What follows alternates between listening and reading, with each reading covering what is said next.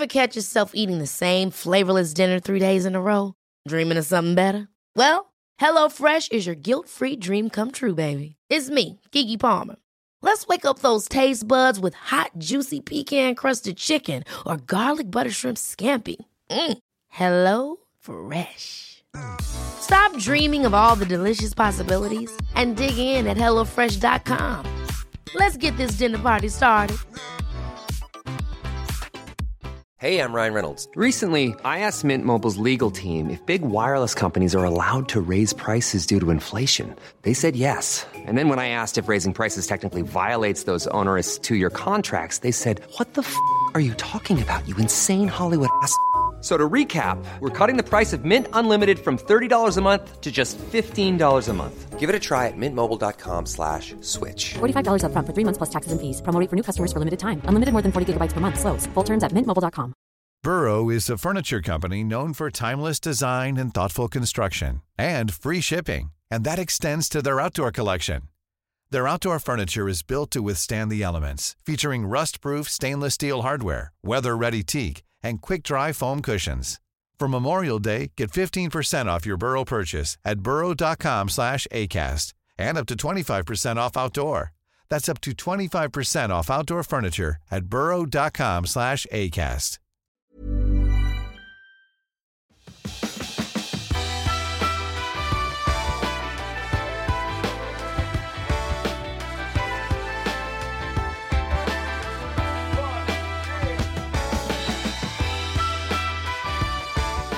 Hej och hjärtligt välkommen till Klimakteriepodden med mig Åsa Melin och det här är avsnitt 299. Hur lyckligt lottad är inte jag som får sitta och prata om klimakteriet så här? Jag kan ju säga att det är ett privilegium såväl som alltså ett ansvar eftersom ni är så många som lyssnar. Och nu när det här avsnittet publiceras så har vi 3,5 miljoner nedladdningar. Och det har varit jättehögt lyssningstryck de senaste veckorna. Det är otroligt glädjande. Och extra varmt välkommen till dig som trevar runt och undrar om det här med kunskap om klimakteriet kan vara något för just dig. För jag undrar ju hur det står till och hur man mår och vad man tänker när man idag är på väg in i klimakteriet. Är man mer intresserad av att förstå sig själv än jag och mina jämnåriga var?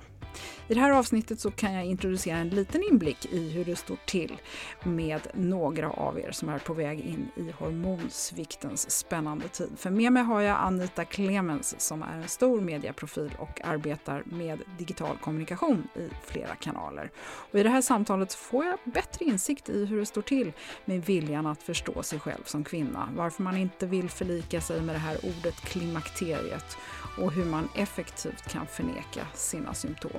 Det är mycket som påminner om när mina förklimakteriesymptom knackade på för sådär en tio år sedan, vilket jag talar mer om när vi firar avsnitt 300. Och då bjuder jag lite mer på vad som hjälpt mig och eh, vad som har varit avgörande för att jag ska komma ur den här resan så bra som jag har. Och är det någonting jag ändå vågar säga så är det trots allt att klimakteriet fortfarande är behäftat med en massa utmaningar och okunskap. Så det är ett bättre belysning i tunneln än någonsin, men vi har långt kvar. Så välkommen att lyssna och inspireras till att våga prata.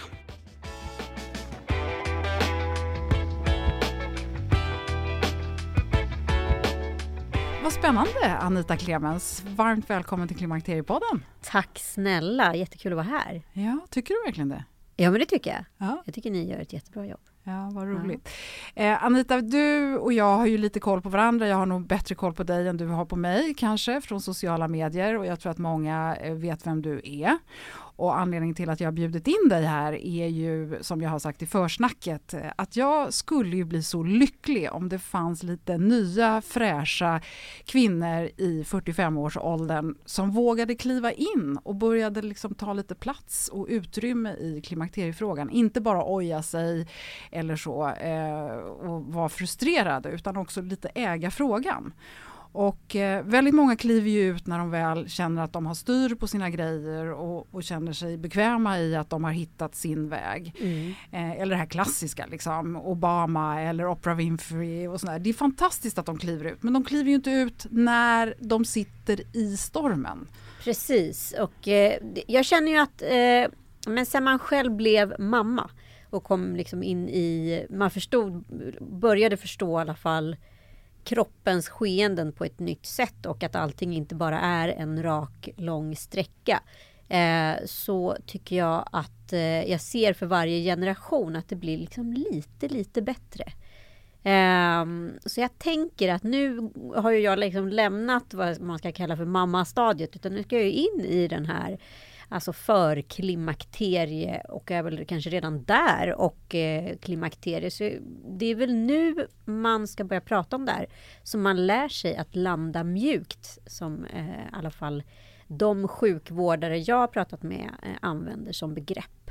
Ja, och Anita, du har ju faktiskt haft lite grann med klimakteriet att göra, så därför, så vi ska komma till det lite senare. Men du kan väl börja med att berätta lite bredare om vem du är och eh, också lite tydligare varför du faktiskt är beredd att göra det här avsnittet. Ja, Anita Clemens heter jag. Jag är 45 år gammal och eh, jobbar egentligen mestadels liksom bakom eh, sociala medier men har ju några liksom publika grejer i mina små skyltfönster.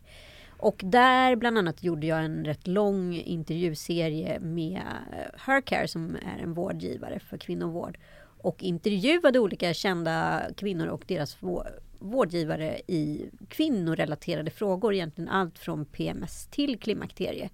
Och jag började intressera mig för det här när jag satt på en lunch med Mia Lundin. Och hon presenterade ja, men hormoncykeln egentligen. Och insåg att jag då 43 vid det där laget bara inte hade en jävla aning. Och det verkade jag att varenda kvinna i rummet inte heller hade. Och då tänker man, vi som är så pålästa, vi lever i ett informationssamhälle, allt finns, finns tillgängligt. Men vi hade ingen aning, någon av oss som satt där inne. Och då insåg jag rätt mycket där och då att det har nog inte så många andra heller. Och det här är jätteviktiga frågor för i slutändan så kan ju de här eh, orsakerna om man inte tar hand om sitt klimakterie resulterar i allt från liksom hjärt och kärlsjukdomar till sjukskrivningar och så vidare. Och kvinnor tenderar till att alltid gå till sig själva för jag upplever att kvinnor har extremt dålig självkänsla i rätt många frågor när det kommer till kroppen och mental hälsa och så vidare. Och då tänker man det är fel på mig. Och om det är fel på mig då är det oftast fel i huvudet och börjar inte i underlivet. Så det här är så viktigt att prata om. Mm. Du har ju kommit långt i dina tankar så att det är ju jag tycker att därför så är det extra spännande att tänka på varför du tror att det överhuvudtaget är svårt att prata om klimakteriet. Ja, men dels så tycker jag att så här, klimakteriet är ju ett väldigt negativt laddat uttryck. Och det är liksom, som jag då som uppvuxen på 80-talet med, vad ska man säga, liksom rätt manschauvinistisk tonalitet i kommunikation och samtal. Är ju att klimakteriet, klimakteriekärring, klimakteriehäxa. Eh, det är en skäggig dam som har blivit avsexualiserad och eh, ja, men egentligen en nucka som inte är vatten värd och rätt jobbig att ha med att göra. Eh, så det finns otroligt mycket laddning kring liksom begreppet klimakteriet. Det är därför jag tror att många kvinnor inte vill associeras med det. Men de har aldrig funderat på varför man inte vill associeras med det. Och klimakteriet är ett tidigt ord som sattes liksom utifrån så här ett, ett rätt liksom smalt läkarskrå. Eh, I Japan så kallas det för andra våren. Man kan kalla det för reversed puberty. Eh, som de säger i USA många gånger. Alltså jag tror att det finns negativt laddade association med det här ordet. Så att jag skulle också vilja börja fundera på vad det skulle kunna vara. Vad skulle det kunna heta i Sverige?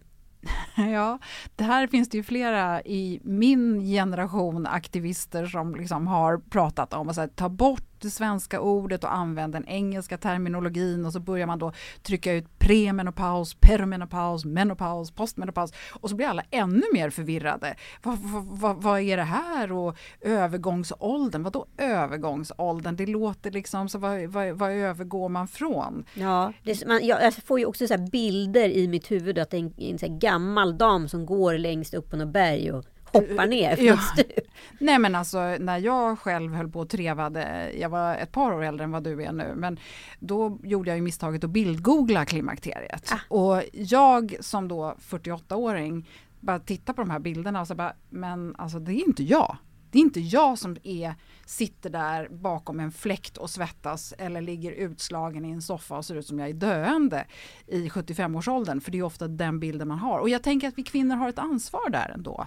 Ja. Även om du pratar om 80-talsmannen och alltså vi har ju kommit längre. Ja, men jag tror att de här associationsbegreppen som vi växte upp med eh, de, är, de är rätt djupt rotade i oss och ska vi, det är därför jag menar att det här som vi sitter och pratar om nu, det är generationen, vad ska jag kalla det för, eh, bloggare, influencers, alla Mikaela Forni, Petra Tungården, den generationen kommer komma till den här eh, nivån där vi är, det vill säga ungefär tio år från nu. Då kommer inte det här vara ett problem överhuvudtaget. De har liksom löst det.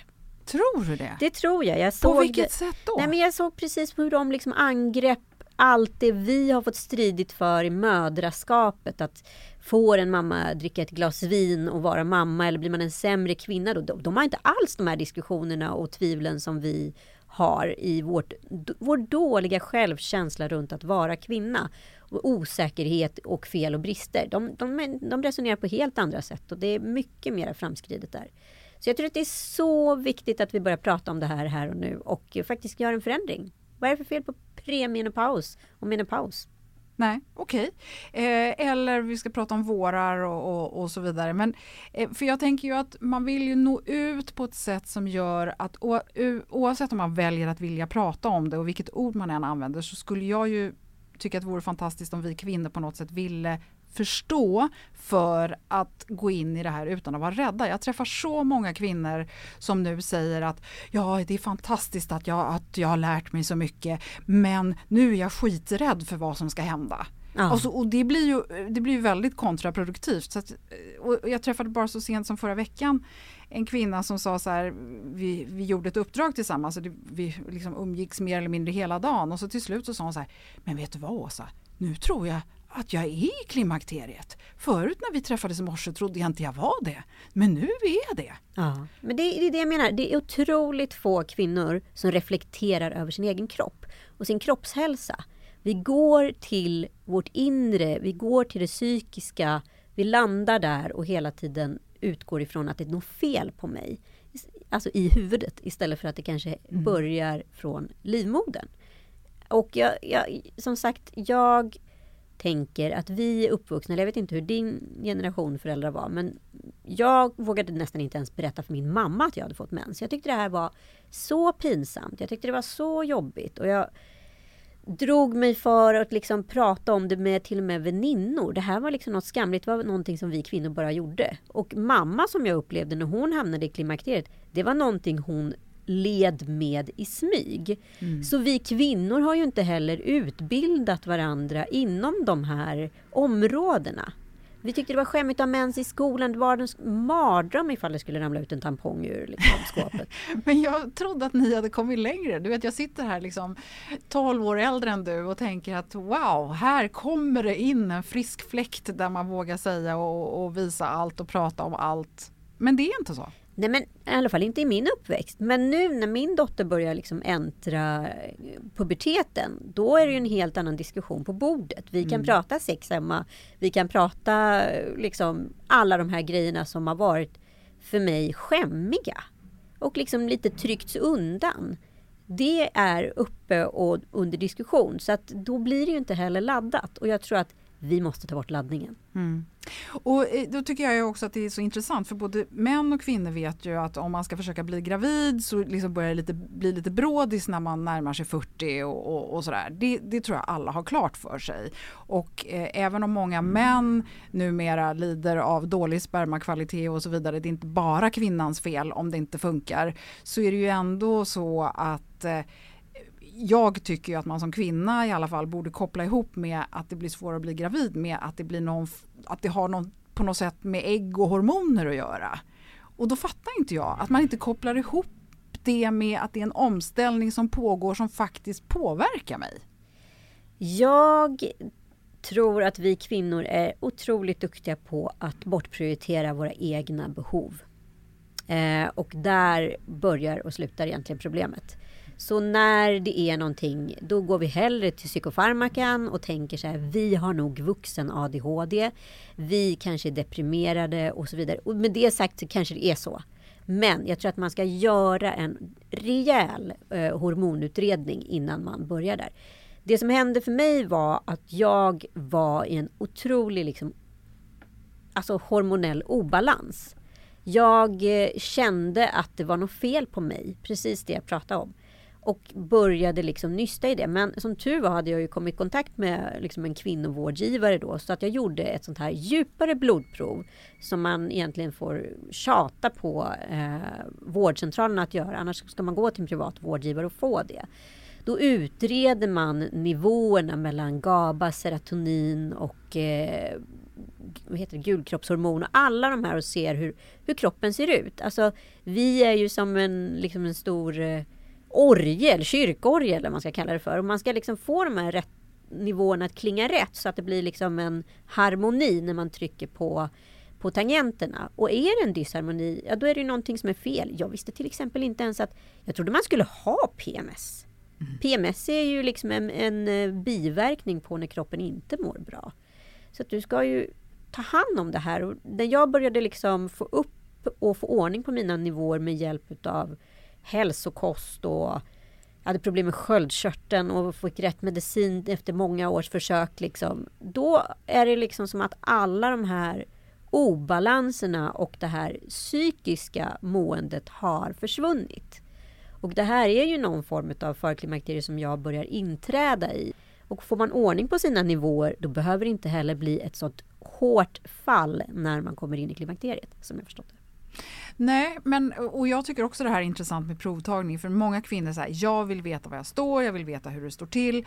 Och det borde man ju också förstå att i en fertil ålder så har man ju liksom en cykel som eh, det är helt olika nivåer av östrogen och progesteron och så vidare under cykeln. Så I en perfekt värld så skulle man ju ta prover liksom hela livet typ en gång i veckan för att liksom kunna eh, balansera det här. Men om man nu bortser från eh, liksom det här att du faktiskt stoppade i dig en massa hälsokost och du fick svar på en del saker. Hur har du förändrat din attityd och ditt leverne och din attityd till liksom eh, dig själv? Ja, men grundläggande så är det så här att jag har haft en alltid haft en oregelbunden cykel. Jag har aldrig haft koll på när min mens kommer. Kommer det vara 23 dagar eller kommer det vara 31 dagar? Jag har ingen aning. Det är alltid någonting däremellan. Så jag har ju aldrig heller vetat om hur jag ska må. När kommer ägglossningen eh, trilla in? Vilket, då mår jag extremt dåligt, liksom också psykiskt ett par dagar innan. Och när kommer mensen komma? Då mår jag också dåligt ett par dagar innan. Och i och med att jag aldrig har vetat så har ju liksom de här perioderna blivit rätt långa i mitt liv. Liksom.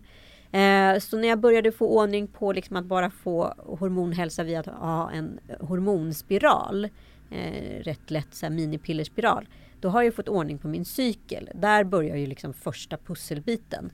Men eh, sen så kom ju det här med sköldkörteln och det var ju det som liksom triggade igång en massa andra faktorer där jag behövde ta ett rejält omtag om min hälsa. För det kvinnor tenderar till att göra mellan 25 och 40 det var att vara så jävla duktiga flickor. Jobba, visa sig coola, vi kan precis som männen och så vidare.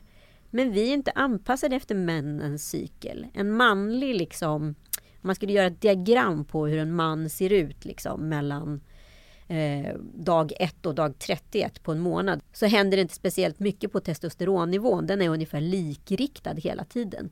Under tiden en kvinnas liksom, cykel ser ut som ett jäkla liksom, sinusdiagram. Det är ju bara upp och ner exakt hela tiden.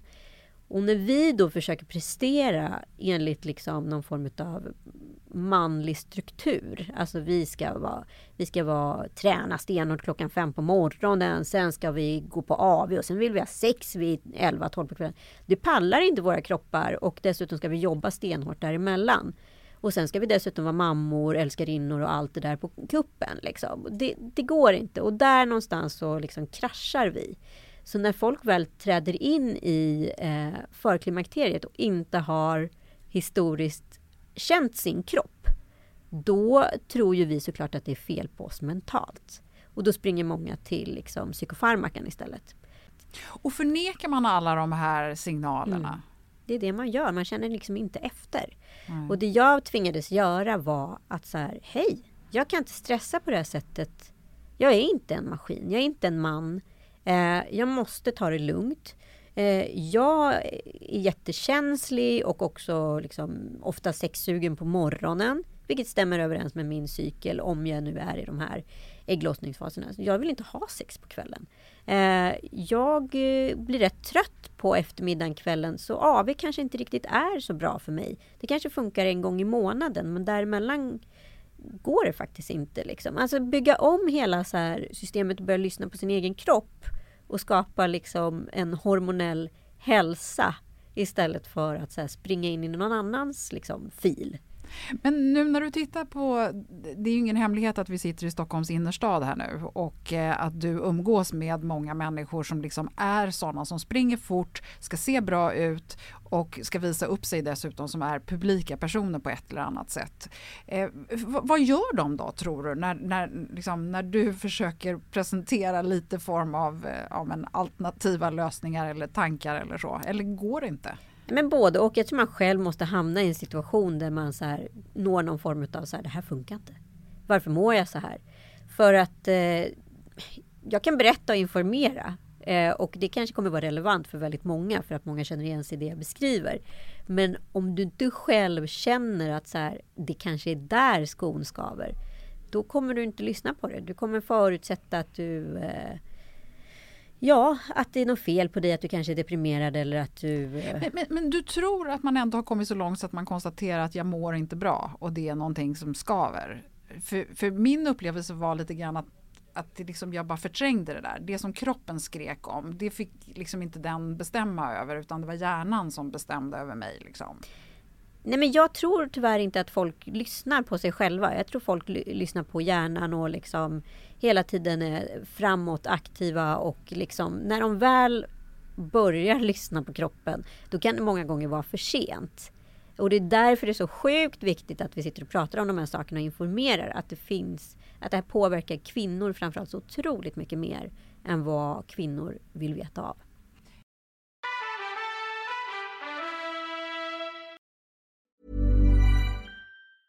Hey, I'm Ryan Reynolds. Recently, I asked Mint Mobile's legal team if big wireless companies are allowed to raise prices due to inflation. They said yes. And then when I asked if raising prices technically violates those onerous two year contracts, they said, What the f are you talking about, you insane Hollywood ass? So to recap, we're cutting the price of Mint Unlimited from $30 a month to just $15 a month. Give it a try at mintmobile.com slash switch. $45 up front for three months plus taxes and fees. Promo for new customers for limited time. Unlimited more than 40 gigabytes per month. Slows. Full terms at mintmobile.com. There's never been a faster or easier way to start your weight loss journey than with PlushCare. PlushCare accepts most insurance plans and gives you online access to board-certified physicians who can prescribe FDA-approved weight loss medications like Wigovi and Zepbound for those who qualify. Take charge of your health and speak with a board-certified physician about a weight loss plan that's right for you. Get started today at plushcare.com slash weight loss. That's plushcare.com slash weight loss. plushcare.com slash weight loss. There's never been a faster or easier way to start your weight loss journey than with PlushCare. PlushCare accepts most insurance plans and gives you online access to board-certified physicians who can prescribe FDA-approved weight loss medications like Wigovi and Zepbound for those who qualify. Take charge of your health and speak with a board-certified physician about a weight loss plan that's right for you. Get started today at plushcare.com slash weight loss. That's plushcare.com slash weight loss. plushcare.com slash weight loss.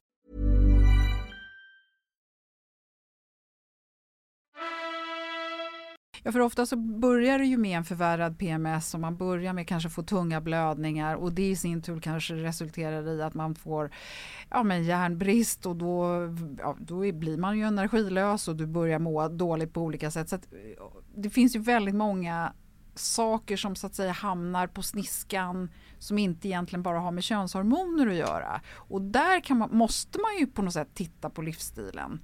Eh, och då kommer vi lite tillbaka till det här som du var inne på med att kvinnor ska vara som män. Men jag tänker också så här att när man inte riktigt kan och förstår blir det inte jättejobbigt då att ta in ny information och, och, förstå sig själv? Jo men det är det det blir och sen så har du en väninna som bara säger men gud jag satte på ett sånt här progesteronplåster och allt blev så bra. Och sen så köper du också ett progesteronplåster online och så sätter du på det så känns det inte alls lika bra för dig. Så kommer den här väninnan tillbaka efter ett halvår. Men vad sjukt, jag, har jag sagt att jag var hos min läkare och han sa du ska absolut inte ha progesteron, du ska ha krämen istället. Jaha, och så, det, det är mycket liksom information, vi älskar ju att ta upp information rekommenderat av en vän. Det är ju mm. fortfarande det starkaste sättet att sälja en produkt till en annan. Men det alla borde göra för att alla kroppar och alla liksom, alltså vi är ju bara ett stort hopkok utav olika kemikalier. Så alla ser ju väldigt olika ut på insidan och hur de här kemikalierna är ihopsatta, det är ju väldigt unikt för dig. Så vad du behöver för hjälp behöver kanske inte vara eh, precis som din väninnas bara för att ni har samma menscykel. Nej men och det är här jag tror att det blir stökigt för att då blir det jobbigt att ta tag i. Det är inte så här, ja men jag tar den här tabletten eller jag får det där och då kommer allting bli bra. Om jag bara går och lägger mig klockan tio så kommer allting bli bra. Det blir ju inte det. Nej.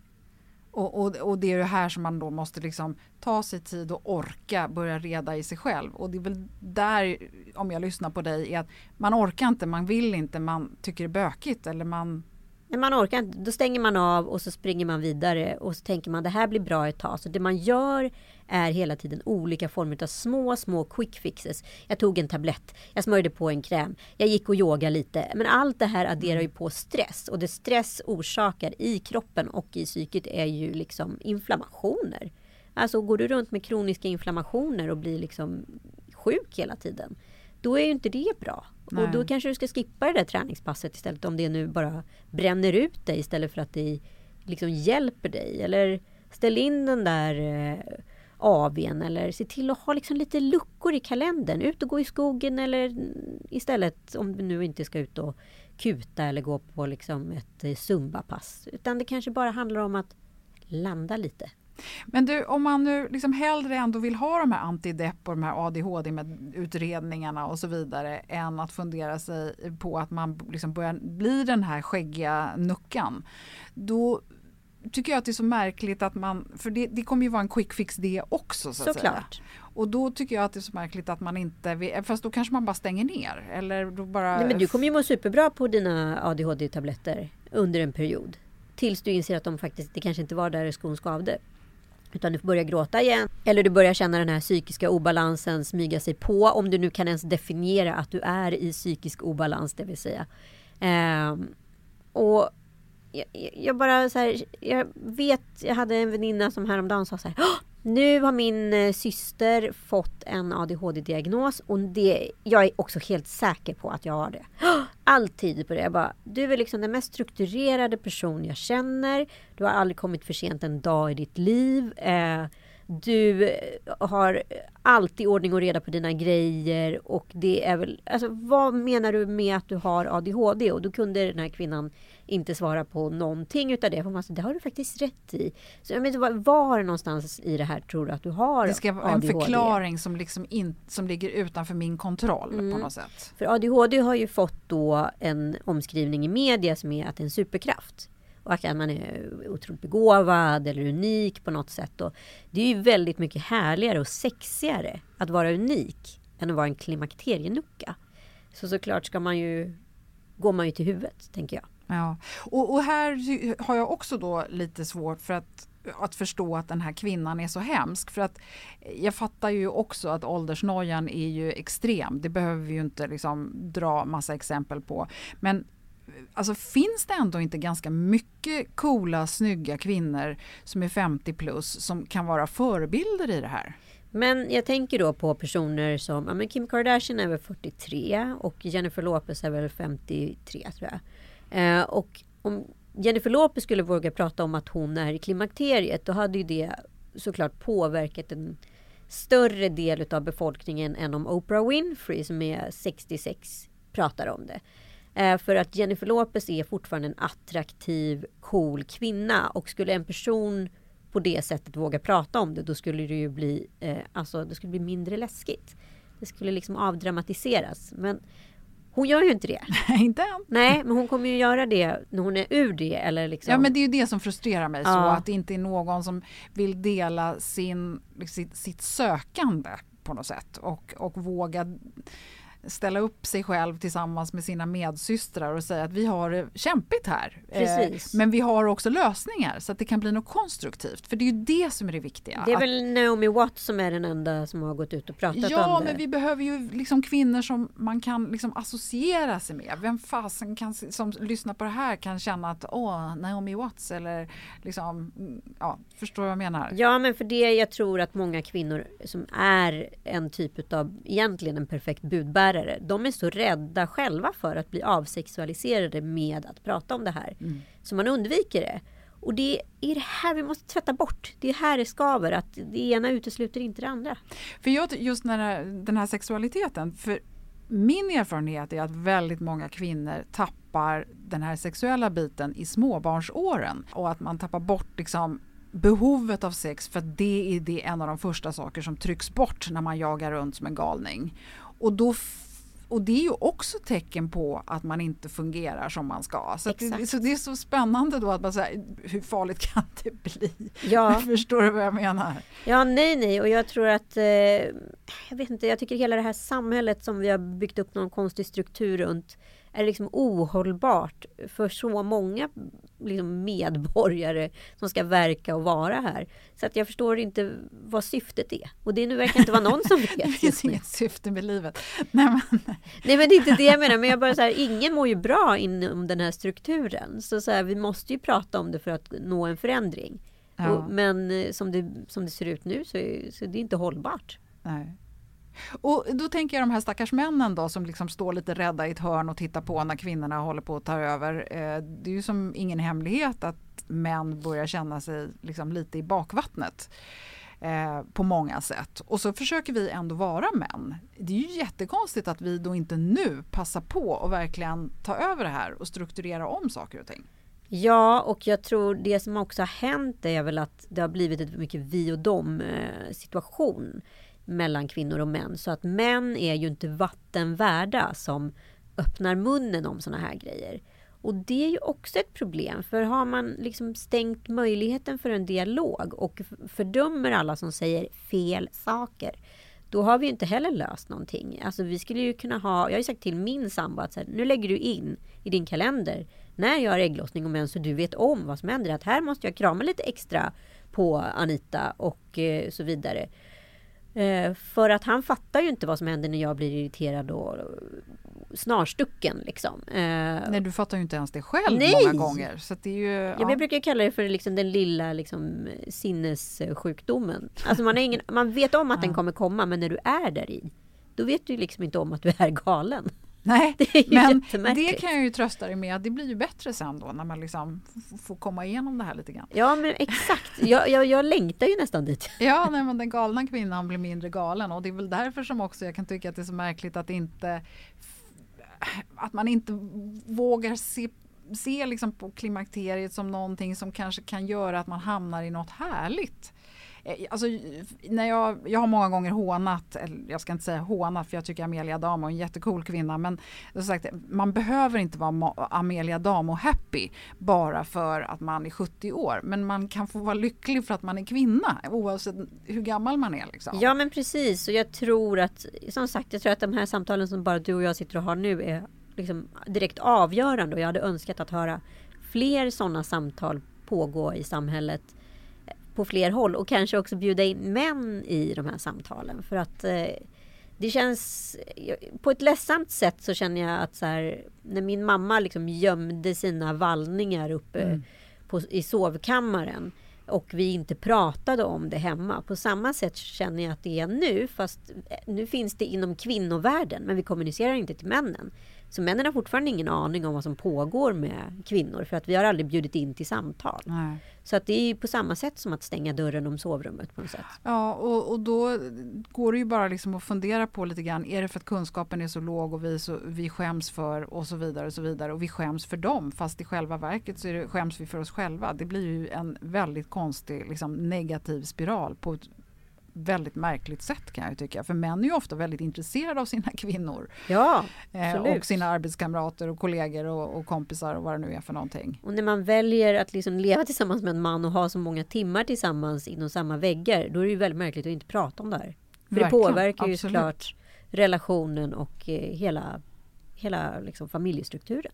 Du, lite på samma tema då. Vad, vad kommer dina kompisar säga nu då när du eh, ska vara med i Klimakteriepodden? Åh, de, jag kommer få en stor, stor eh, kram hoppas jag och klappa axeln och säga tack för att du gör det här och det är så viktigt att du pratar om det här. Ja, men det är ju fantastiskt att de säger så. För ja. när jag började med Klimakteriepodden, då var reaktionen bland mina nära vänner, då var det så här men Åsa, kan du inte kalla det för något annat i alla fall? Och måste du ha rosa? Och fy, alltså nej men snälla du, det är ingen som kommer vilja lyssna på det här. Ingen som ville dela det, ingen som ville liksom prata om det. Sen när det blev liksom stort och när det liksom så här, åh, jag får cred, då ville man liksom stå vid min sida. Ja, men i början okay. där, då var det inte riktigt så himla kul att, att, vara den där, utan då var man inte där än. Nej, okej. Okay.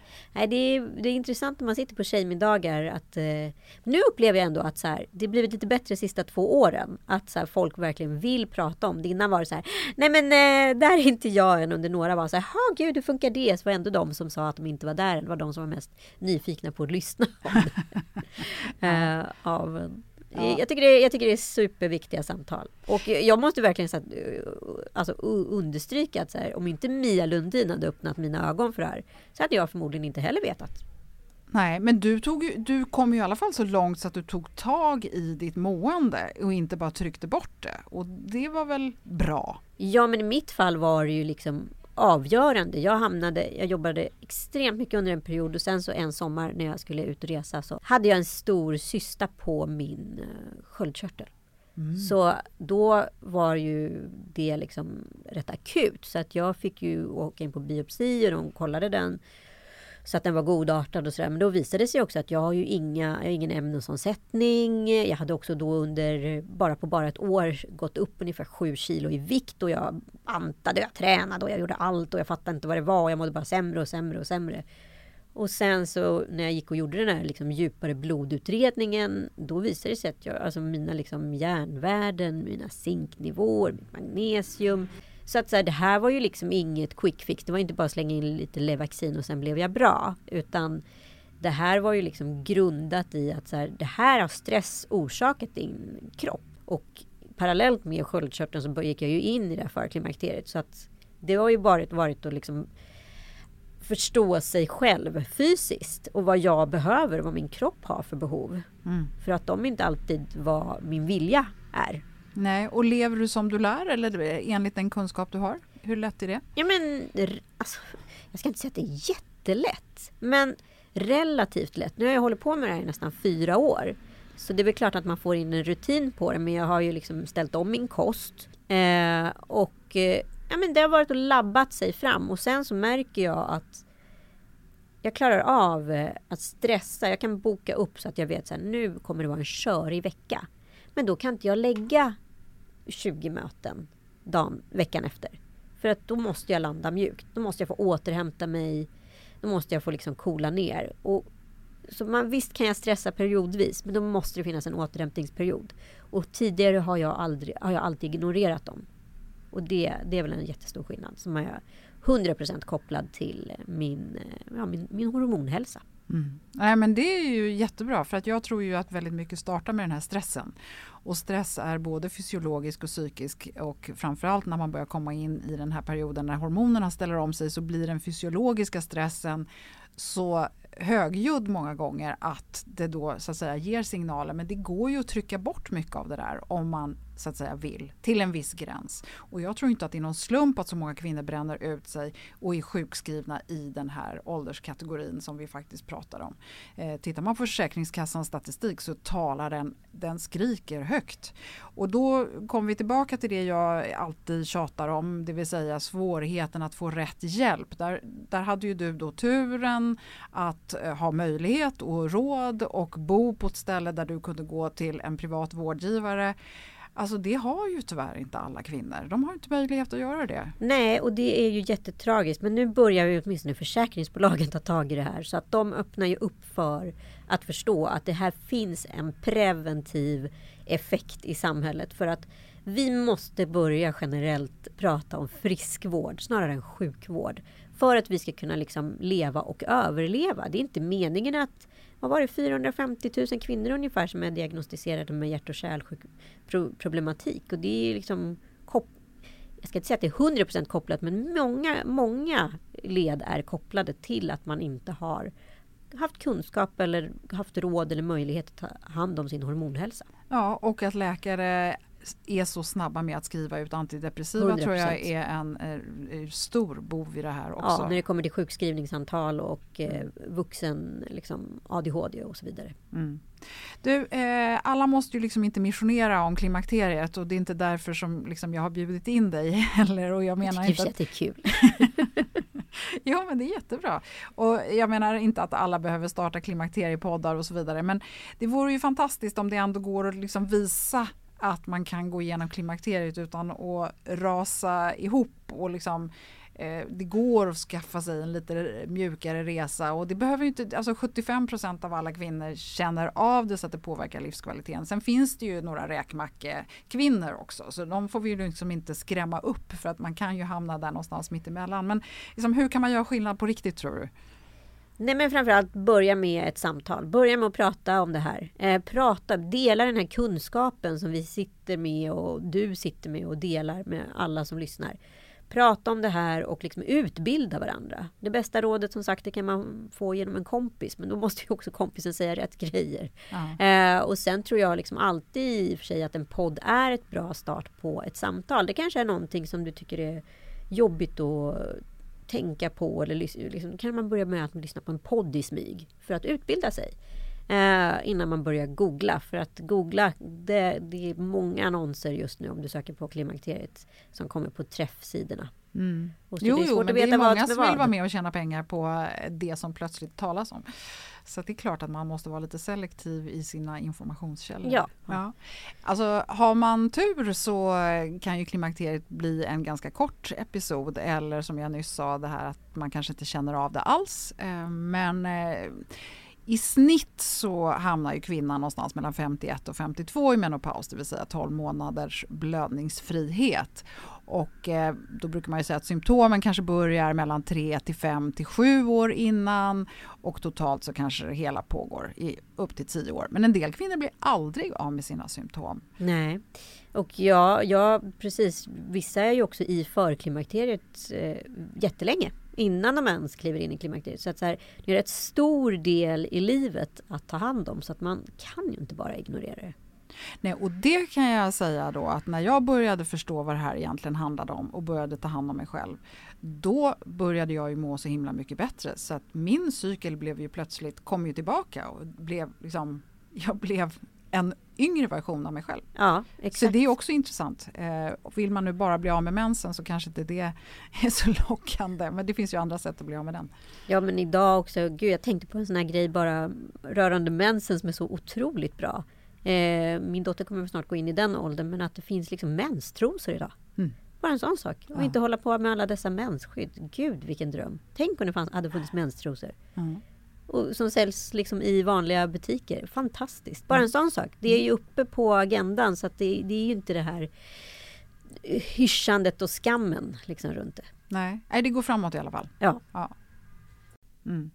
Ja, jag håller med. Börja prata, våga prata och sprid kunskapen så gott du kan. Och jag tycker inte att man ska vara så rädd för att prata även om man själv inte förstår. För det tror jag är vi väldigt många som hamnar i samtal där man inte vågar prata om det för att man själv är så okunnig. Och det, då tror jag att man är i väldigt gott sällskap i 99,9 procent av fallen. Så därför så tycker inte jag att det är fel att prata men det är alltid fel att kopiera någon annans recept för vi är alla unika. Exakt.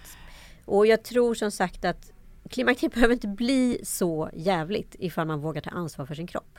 Men skiter man i sin kropp, vilket är en tydlig signal till att du skit- skiter i dig själv, då kommer det kanske bli för jävligt.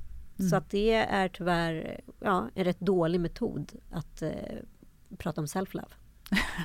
Ja. Nej men bra, eh, tack Anita. Vill du göra något ytterligare medskick eller något som du har kommit på här under Nej, jag samtalet tycker vi som har- du vill förmedla? Fått med det mesta tror jag. Men eh, sjukt bra. Fortsätt med den här podden. Du kan, kanske ska be om lite frågor från lyssnarna. Ja, men vi har ofta lyssnaravsnitt och du som lyssnar nu, om du är ny till podden så är du varmt välkommen att komma med nya frågor. Och känner du dig manad att vara en av dem som kanske vill också vara med i podden så får du också jättegärna berätta din historia. Eller kanske till och med ta över podden, för hur länge ska jag sitta här och missionera om klimakteriet? I'm on the other side liksom. Jag tror det behövs. Ja. Tack snälla för att jag fick vara med. Ja, men tack.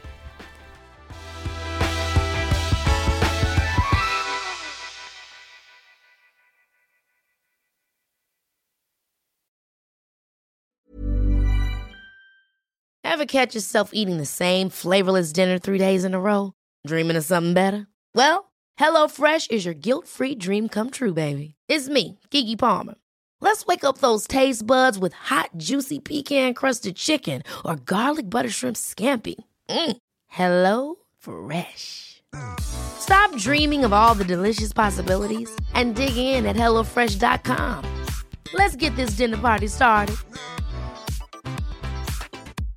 Imagine the softest sheets you've ever felt. Now imagine them getting even softer over time. That's what you'll feel with Bowl and Branch's organic cotton sheets. In a recent customer survey, 96% replied that Bowl and Branch sheets get softer with every wash. Start getting your best night's sleep in these sheets that get softer and softer for years to come. Try their sheets with a 30-night guarantee. Plus, get 15% off your first order at bowlandbranch.com. Code BUTTERY. Exclusions apply. See site for details.